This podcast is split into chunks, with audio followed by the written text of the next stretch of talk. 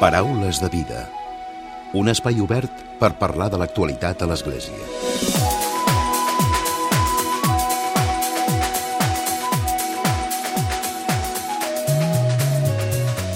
Què tal? Salutacions i molt bon dia, molt bon diumenge. Mans Unides ha presentat la seva memòria institucional amb la qual ret compte sobre la feina feta durant el 2019 en l'àmbit de la cooperació al desenvolupament i la sensibilització. L'ONG de Desenvolupament de l'Església Catòlica a Espanya va aprovar 540 nous projectes per un valor superior als 36 milions d'euros que, al costat dels iniciats en anys anteriors, van superar els 900 projectes en marxa a 57 països d'Àfrica, Amèrica i també Àsia. En global, els projectes finançats per Mans Unides van donar suport directament a més d'un milió i mig de persones i a prop de 6 milions més de manera indirecta. En un any en què vam commemorar el seu 60è aniversari, l'organització va dedicar la seva campanya anual a denunciar la pobresa i la desigualtat que enfronten les dones dels països del sud. De seguida en parlem de tot plegat i ho fem amb la Mireia Engerri, ella és la delegada de Mans Unides a Barcelona. I com sempre, tancarem el Paraules de Vida amb el comentari de l'actualitat de Francesc Romeu. Comencem.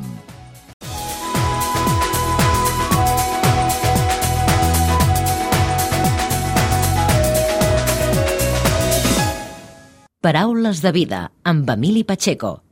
Mireia, bon dia i benvinguda al Paraules de Vida. Hola, bon dia, Emili. Gràcies per convidar-nos. Gràcies a, a vosaltres, a Mans Unides, i en aquest cas a tu. De fet, aquest 2020 és la segona vegada que ens acompanyes al programa. Ho feies també al mes de març, oi? Sí, sí, sí. I tant. Quan, quan estàvem plenament, quan estàvem confinats, no? I en aquest cas era per presentar-te com a nova delegada que feia uns mesos que t'havien, eh, en aquest cas, escollit com a, com a delegada de Mans Unides. I avui parlem, Mireia, han passat uns quants mesos, parlem de la memòria del 2019, que de fet són números que ja queden endarrerits perquè esteu centrant també molts esforços, en aquest cas, a la lluita contra la Covid i les conseqüències que té la Covid, no només sanitàries, sinó també socials i econòmiques, no? Així és, així és.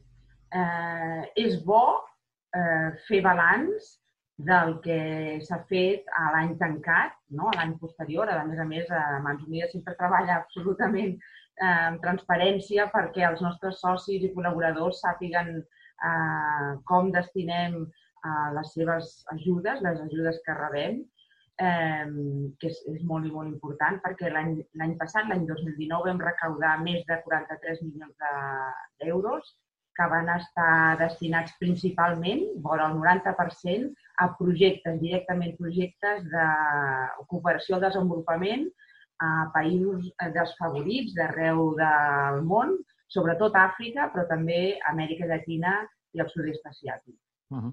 I amb això doncs, vam poder donar suport a prop de dos milions de persones, que, que és prou important. Però, clar, la realitat ens ha, ens ha atropellat, oi? I, i des del mes de març, doncs, l'activitat normal d'aquests projectes, que jo dic de més de 350 projectes nous que entren cada any a, a la màquina de, de Mans Unides, eh, va quedar paralitzada, igual que va quedar paralitzada la vida de no, la nostra i de tothom. Uh -huh.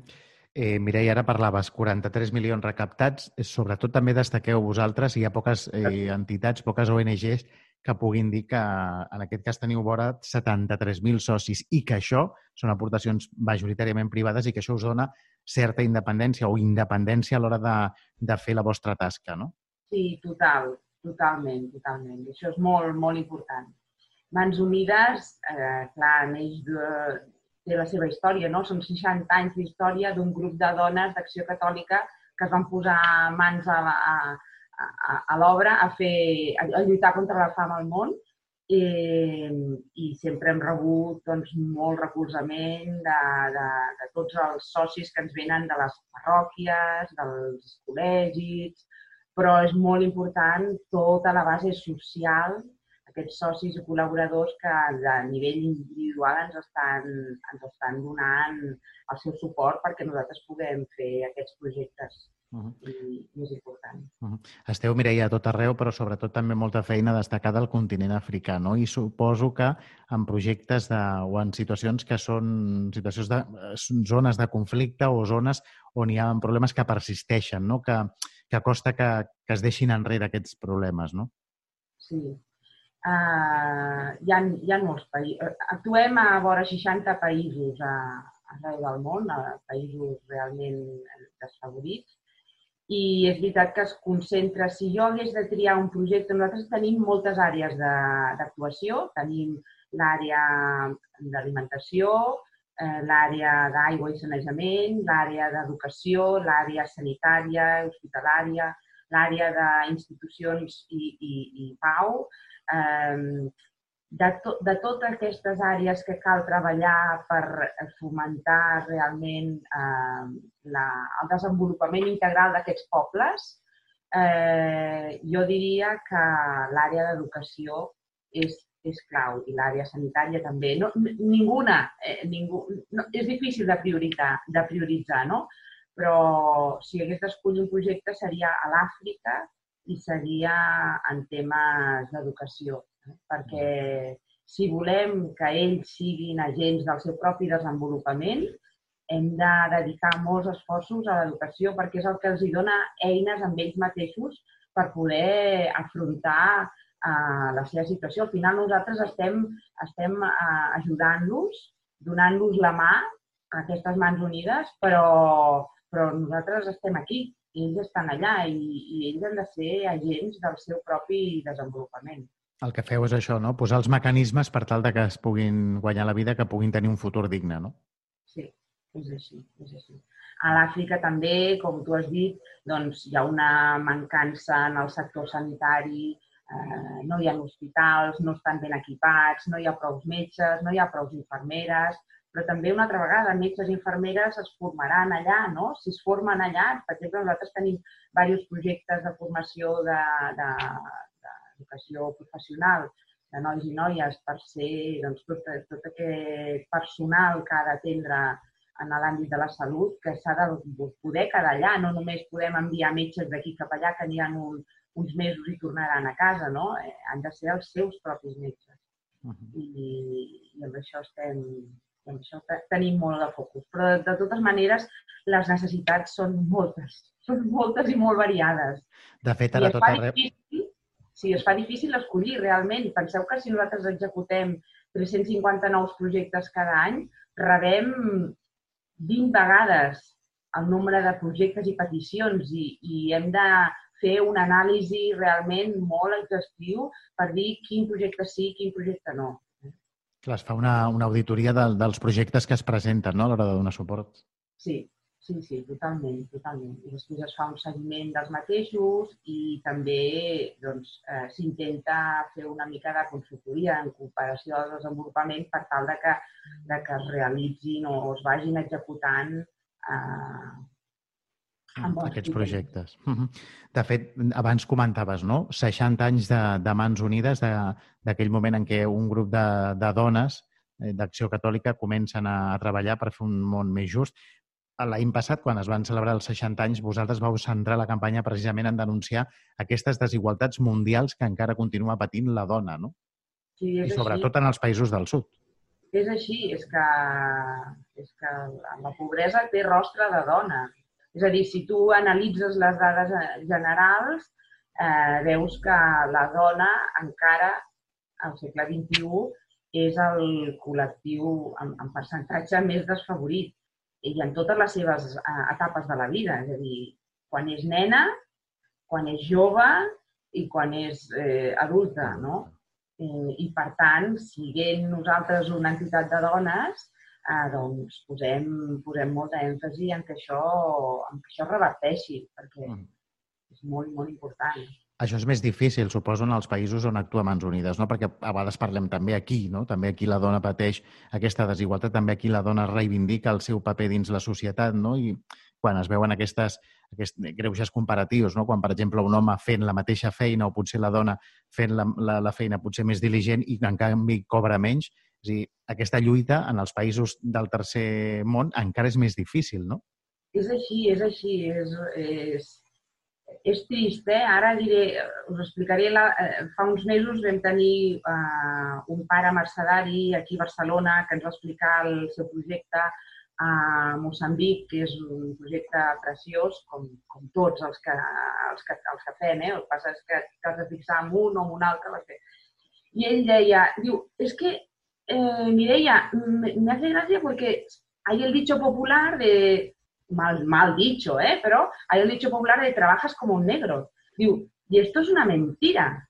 Debería ser trabajas como una negra. Diu, perquè els, els homes a l'Àfrica no treballen com treballen les dones. Les dones són les primeres que es lleven abans de que surti el sol, agafen la gerra d'aigua, fan 4 quilòmetres per omplir-la de, del pou tornen cap a casa, donen, fan una papilla el que tinguin de, els nenos, se'n van a treballar a l'hort, tornen, no sé, saps? I l'home, pues, se hace lo suyo y se va al bar a tomar algo. És un, un, un exemple molt il·lustratiu, no? Sí, sí, sí. sí, sí, sí. I que, que il·lustra una realitat, no? Oh, i tant, oh, i tant. I ara parlo de Moçambic, però podria estar parlant d'un país d'Amèrica Llatina tranquil·lament, eh? I seria el mateix seria similar, vaja. Mm. Abans parlaves no, del nombre de projectes, gairebé 540 projectes. Són molts projectes no, a l'hora de, de tirar endavant? Són molts projectes i, i, i fa molt goig, la veritat és que sí. Eh, tenim una estructura dividida per, per regions, són per continents i dintre dels continents regions, de manera que tenim responsables que vetllen per aquests projectes eh, de, de molt a prop i constantment estem en contacte amb les nostres contraparts locals, perquè això és, això és molt important, que els protagonistes d'aquests projectes siguin entitats locals. Perquè si tu vas allà, fas una feina i tornes i es queden sense estructura, no té cap sentit. El, el sentit dels projectes de desenvolupament és tu ajudes a una estructura que ja s'ha format o s'està formant allà perquè siguin ells els que la gestionin quan tu marxis, no? I, i sí, sí, és una, és una estructura molt i molt gran, aquests més de 600 projectes, sobretot pensar, pensant en que, en que Mans Unides treballa bàsicament amb voluntaris, que això és increïble. O sigui, no fem més perquè no, perquè, perquè no ens dona la vida, però, però bàsicament treballem amb voluntaris. Tenim molt poquets treballadors contractats, professionals. L'estructura, de la, de, diguéssim, de l'entitat és mínima, no? Sí, sí, sí. sí, sí. Uh -huh. Per un costat, eh, és, és, és d'admirar i això fa que els nostres costos d'estructura, costes fixes, siguin, siguin reduïts. Per l'altre costat, doncs, ens, ens limita eh, segons quines coses. Nosaltres, Mans Unides, no pot competir amb, la, amb el màrqueting i la publicitat que fan altres ONGs que també treballen, que no nombraré, i treballen bé, però, però dediquen molts diners a publicitat. A l'impacte mediàtic, no? Clar. Sí, total. Uh -huh. Per això agraïm tant que ens dongueu Tot i que... espai en el Tot... programa. Sí, sí, és evident. I a més a més, sent el programa de l'Església, encara molt més. Suposo, eh, Mireia, que el, quan es parla de mans unides, igualment ja, ja es parla de credibilitat, no? Es parla d'un saber fer que, que s'ha demostrat en aquests 60 anys, no? I que la gent, segurament molta gent de la que avui ens està escoltant, són gent que porta mans unides i que ara, amb aquesta memòria, el que feu precisament és fer un agraïment públic, no? Sí, sí, és així. Però jo, jo, estic, jo estic molt contenta perquè, perquè aquests 60 anys de feina ben feta no són baladí. És a dir, fèiem ja cooperació al desenvolupament quan no existia la paraula cooperació al desenvolupament, no? I en, justament en, en el confinament, eh, l'Agència Catalana de Cooperació al Desenvolupament va contactar amb mi eh, com a delegada de, de Mans Unides a Barcelona perquè els ajudés a repatriar, bueno, no a repatriar exactament, però a, a donar suport a persones catalanes que havien quedat eh, atrapades, atrapades en països en desenvolupament i com que l'agència sap que Mans Unides té socis locals a cada un d'aquests països de confiança, doncs ens van contactar per dir aquesta gent està així, aquí poden acudir. I per mi va ser no, eh, una, una passada. Voler dir, mira, jo, eh, a mi la societat m'està reconeixent la, la, la feina que faig, no? O, per exemple, l'altre dia, en una reunió amb un directiu de l'Agència Catalana de Cooperació al Desenvolupament, que hi havia la presentació de les noves eh, convocatòries de subvencions per projectes de cooperació al desenvolupament i, i dir, bueno, clar, és que Mans Unides, si el projecte ve de Mans Unides, ja sé com... Té credibilitat. Va. Ah, exacte. I això, per mi, té molt de valor. Molt uh -huh. de valor. Mireia, heu notat en temps de pandèmia que la solidaritat hagi baixat? No, no? És a dir, la gent continua aportant o com està la situació? Home, he de dir que el, els nostres... Sí que hem notat una baixada mm, irremediable com tothom l'ha notada. Eh? És veritat que vam fer un llançament d'una campanya d'emergència eh, extraordinària per atendre aquests projectes nous de, derivats de la pandèmia del Covid que a dia d'avui eh, hem ingressat vora 700.000 euros a tot Espanya, eh? que no, no està gens malament. Però a nivell general tot ha caigut. És a dir, una aportació que feia la parròquia doncs la, fa més petitona perquè les parròquies estan recaudant molts menys eh, donatius. Uh -huh. els, les escoles, els col·legis el mateix. Eh, les persones que feien donatius extras no els fan. Alguns s'han donat de baixa Eh, però, però, clar, és que és, és normal, vull dir, estem patint, estem patint tots del mateix, no? Jo el, que, jo el que sí que dic sempre és que per poc que donguem, allà, als països en desenvolupament, aquests 20 euros és que es multipliquen per 10. Per tant, no despreciem res perquè, perquè tot, és, tot és molt Clar, molt... Encara que, encara que una persona pugui pensar què faré si dono 20 euros, doncs sí que són benvinguts, no? I tant. 20 euros aquí podríem anar al, al mercat i comprar al supermercat i comprar a lo millor 20 quilos d'arròs d'oferta, però és que allà pots comprar no 20 quilos d'arròs, pots comprar 200 quilos d'arròs. Eh? Llavors, val la pena, eh? perquè amb 200 quilos d'arròs alimentes a moltes persones. Uh -huh. I mm, ens queda poquet eh, temps, Mireia, però abans d'acabar. És, és una xifra aquesta que dius de la pandèmia, no? del, del coronavirus, que va canviant no? constantment. Sí, Clar, mm, del coronavirus, eh, fixeu-vos que, que nosaltres hi hem destinat més de 3 milions d'euros per fer costat a, a vora un milió i mig de persones als països més empobrits que estan patint la crisi del Covid. Penseu que nosaltres tenim... A nosaltres ens diuen confinats, us quedeu a casa. En aquests països eh, això no, no es pot fer. En països com Haití, com Brasil, sobretot a l'Àsia, com, com Índia. O sigui, la gent viu eh, afinada, no? Amb, amb, amb xabolites que no... Que, que estan amuntegats, no? Uh -huh. Estan amuntegats i llavors eh, la propagació del virus... I, a més a més, són països en què es viu d'una economia del dia a dia, no? Del, de, del poquet que, que vens pel carrer, del poquet que, que has conreat en el teu hort, del poquet, no? I això, si et quedes a casa, és que no veus res. I llavors el que passa és que passes fam. No, no, no et mors de Covid, però et mors de fam.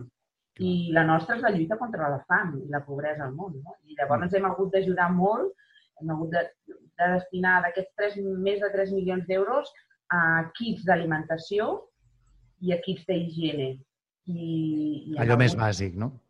Perdó, sí, el més bàsic. Nosaltres no havíem, no havíem destinat mai tants diners a projectes d'emergència, però és que hem, de, hem rebut peticions de tot arreu, de tots els nostres socis locals, que tots estaven espantats del que venia, no? Per, de la crisi eh, sanitària, però sobretot de la crisi econòmica i social als seus països. Penseu que hem dit que el virus ens fa vulnerables a tots, i és veritat, no? És una de les sensacions que vam tenir tots al principi, oh, com estem de malament, mira, estem com aquest, tal però el, virus, el, el Covid no és igual per tothom. Uh -huh. El Covid és molt més, molt més cruel amb els més vulnerables, amb els que ja estaven desfavorits. Eh? Uh -huh. eh, no és el mateix eh, lluitar contra aquest virus eh, des d'un hospital de Barcelona com a l'Hospital Clínic o des d'un hospital a Etiòpia o des del carrer o des de casa, no? Ens estan dient els caps, doncs té, queda, fes quarantena a casa eh, ells no poden fer quarantena a casa. Uh -huh. Queda clar, Mireia. Doncs gràcies avui per, per haver-nos acompanyat i per haver-nos acostat a aquesta feina que feu tan interessant des de Mans Unides. Moltíssimes gràcies a vosaltres. Paraules de vida. I tot seguit, com sempre, arriba el comentari de l'actualitat de Francesc Romeu. Francesc, molt bon dia. Molt bon dia a tothom. Diumenge passat, 4 d'octubre, festivitat de Sant Francesc d'Assís, es va fer pública la tercera encíclica del papa francès titulada Fratelli Tutti, germans tots, un text de caire absolutament social. El dia anterior, el dissabte 3 d'octubre, al migdia, el papa francès l'havia assignada a sobre de l'altar on descansen les despulles de Sant Francesc, a la basílica de la ciutat italiana d'Assís. El document, del més alt nivell en el magisteri d'un papa és un text curt, de prop d'unes 100 pàgines, i és de lectura molt agradable i entenedora. Està estructurat en vuit capítols i tracta dels problemes socials més actuals, com per exemple el de la pandèmia del coronavirus del, del Covid-19, i intenta portar-hi unes respostes evangèliques. En la introducció mateixa, el papa Francesc intenta marcar-se l'objectiu que pretén amb aquesta encíclica, quan diu que anelo que puguem fer reneixer entre tots un desig mundial de germanor. Somiem com una única humanitat, com a caminants de la mateixa carn humana, com a fills d'aquesta mateixa terra que ens acull a tots, cadascú amb la riquesa de la seva fe o de les seves conviccions, cadascú amb la seva pròpia veu, tots germans. L'expressió tots germans, en italià, que dona títol a l'encíclica, el papa la treu d'un text de Sant Francesc, on el sant diu, el papa, es dirigeix a tots els germans i les germanes per proposar-los una forma de vida amb gust d'evangeli. Aquests consells en vull destacar un que convida a un amor que va més enllà de les barreres de la geografia i de l'espai. Allí declara feliç a qui estimi l'altre tant el seu germà quan és lluny d'ell com quan és al seu costat. Amb, amb aquestes poques i senzilles paraules va expressar l'essencial d'una fraternitat oberta que permet reconèixer, valorar i estimar cada persona més enllà de la proximitat física, més enllà del lloc de l'univers on hagi nascut o on habiti. El primer capítol, el papa Francesc el dedica a analitzar la situació social, i assenyala que cuidar el món que ens envolta i que ens conté és cuidar-nos a nosaltres mateixos, però necessitem constituir-nos en un nosaltres que habita la casa comuna. Aquesta cura no interessa als poders econòmics que necessiten un rèdit ràpid. Mentre una part de la humanitat viu en l'opulència, una altra part veu la seva pròpia dignitat desconeguda, menyspreada o trepitjada i els seus drets fonamentals ignorats o violats. Guerres, atemptats, persecucions per motius racials i religiosos i tants greuges contra la dignitat humana ajutgen de diverses maneres segons convingui o no a determinats interessos fonamentalment econòmics. El segon capítol és el que està dedicat a l'anàlisi bíblica. Concretament, el papa comenta profundament la, paraula del, la paràbola del bon samarità, un text exclusiu de l'evangelista Lluc. Com diu el papa, és un text que ens convida a que ressorgeixi la nostra vocació de ciutadans del propi país i del món sencer, constructors d'un nou vincle social. La narració senzilla i lineal, però té tota la dinàmica d'aquesta lluita interna que es dona en l'elaboració de la nostra identitat, en tota existència llançada al camí per realitzar la fraternitat humana. Diu el papa, tots tenim una mica de ferit, alguna cosa de lladre, alguna cosa dels que passen de llarg i alguna cosa del bon samarità. Finalment, els capítols que segueixen des del capítol tercer fins al vuitè són els propositius d'un nou ordre personal, social i mundial que es fonamenti en una autèntica fraternitat humana. Entre els oferiments que ens fa el papa francès n'assenyalo alguns. Per exemple, el del deure de la, hospitalitat, que diu el papa que és la trobada amb la humanitat més enllà del propi grup, o la proposta de lluitar contra l'individualisme radical, que és el virus més difícil de vèncer. El papa denuncia les retallades en drets fonamentals pel fet de ser dona o pel lloc de naixement o de residència i proposa la gratuïtat com la capacitat de fer algunes coses perquè sí, perquè són bones en si mateixes, sense esperar cap resultat reeixit, sense esperar immediatament alguna cosa a canvi. Això permet acollir l'estranger, encara que de moment no porti un benefici tangible. Però hi ha països que pretenen rebre només els científics o els inversors. Hem rebut la vida gratis, no hem de pagar per ella. Llavors tothom podem donar sense esperar alguna cosa, fer el bé sense exigir-li tant a aquesta persona a qui s'ajuda. La setmana vinent us explico alguna proposta més. Molt bon diumenge a tothom. Paraules de vida. Segueix-nos a Facebook i Twitter. Arroba Paraules de vida.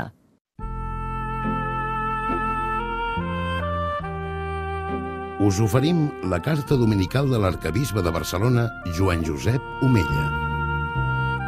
Déu vos guard. Vivim en un món d'extrems. En alguns temes ens entestem a buscar una explicació racional a tot, mentre que en altres aspectes de la vida ens deixem portar i dominar pels sentiments, emocions i afectes. Hi ha qui dona molta importància a la ment, però també hi ha qui se centra només en els sentiments. Tenim en aquests extrems algun centre d'equilibri, de gravetat, de solidesa? Sí, el cor. El cor és, en la Bíblia, la font dels nostres pensaments, paraules i accions. És allò més profund de nosaltres mateixos. És per això que la Sagrada Escriptura ens diu que l'home mira les aparences, però Déu mira el cor. Vivim en una societat en la qual preval invertir el temps en coses aparentment útils i en plaers efímers. Se sobreestima actuar i fer moltes coses alhora. Està mal vist perdre el temps, contemplar les coses, no obstant això, cal aturar-se i mirar al voltant per ser capaç d'apreciar la bellesa de tot el que ens envolta. És important també saber perdre el temps i compartir-lo amb els altres. Contemplar Jesús en els evangelis ens descobreix una nova manera de viure la vida. El nostre diàleg diari amb Déu, a partir de la vida i del testimoni de Jesucrist, ens va transformant a poc a poc. És un canvi interior lent i progressiu que aflora sense que nosaltres ens n'adonem. Contemplar i acollir la vida i les paraules de Jesús renova la nostra manera de mirar la vida i d'actuar. Tinguem els mateixos sentiments que Crist. Des d'aquesta actitud davant la vida podem descobrir i contemplar la bellesa que atresora la creació. Reconèixer Crist en els pobres i necessitats, meravellar-nos davant la mirada innocent d'un nen. Aprendrem a, gaudir d'allò més senzill i habitual. Descobrirem que hi ha una altra manera d'estar viu. Els cristians, sabent que tot, absolutament tot, és un regal que hem rebut, hauríem de fascinar-nos davant la vida. No és qüestió d'esforç ni de mentalització, sinó que es tracta simplement de descobrir la vida que Jesús ens ofereix, demanar-la amb intensitat i disposar-nos a acollir-la. És impressionant saber que som fills de Déu i saber que camina al nostre costat perquè puguem gaudir d'una vida eterna amb ell.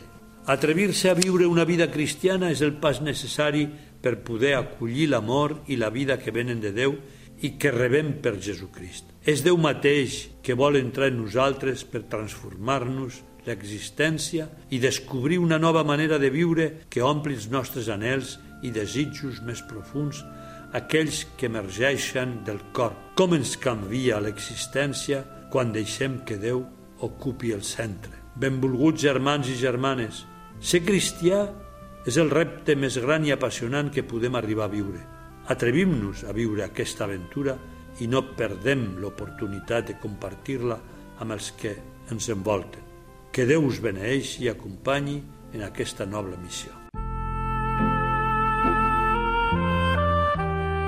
us hem ofert la carta dominical de l'arcabisbe de Barcelona, Joan Josep Omella.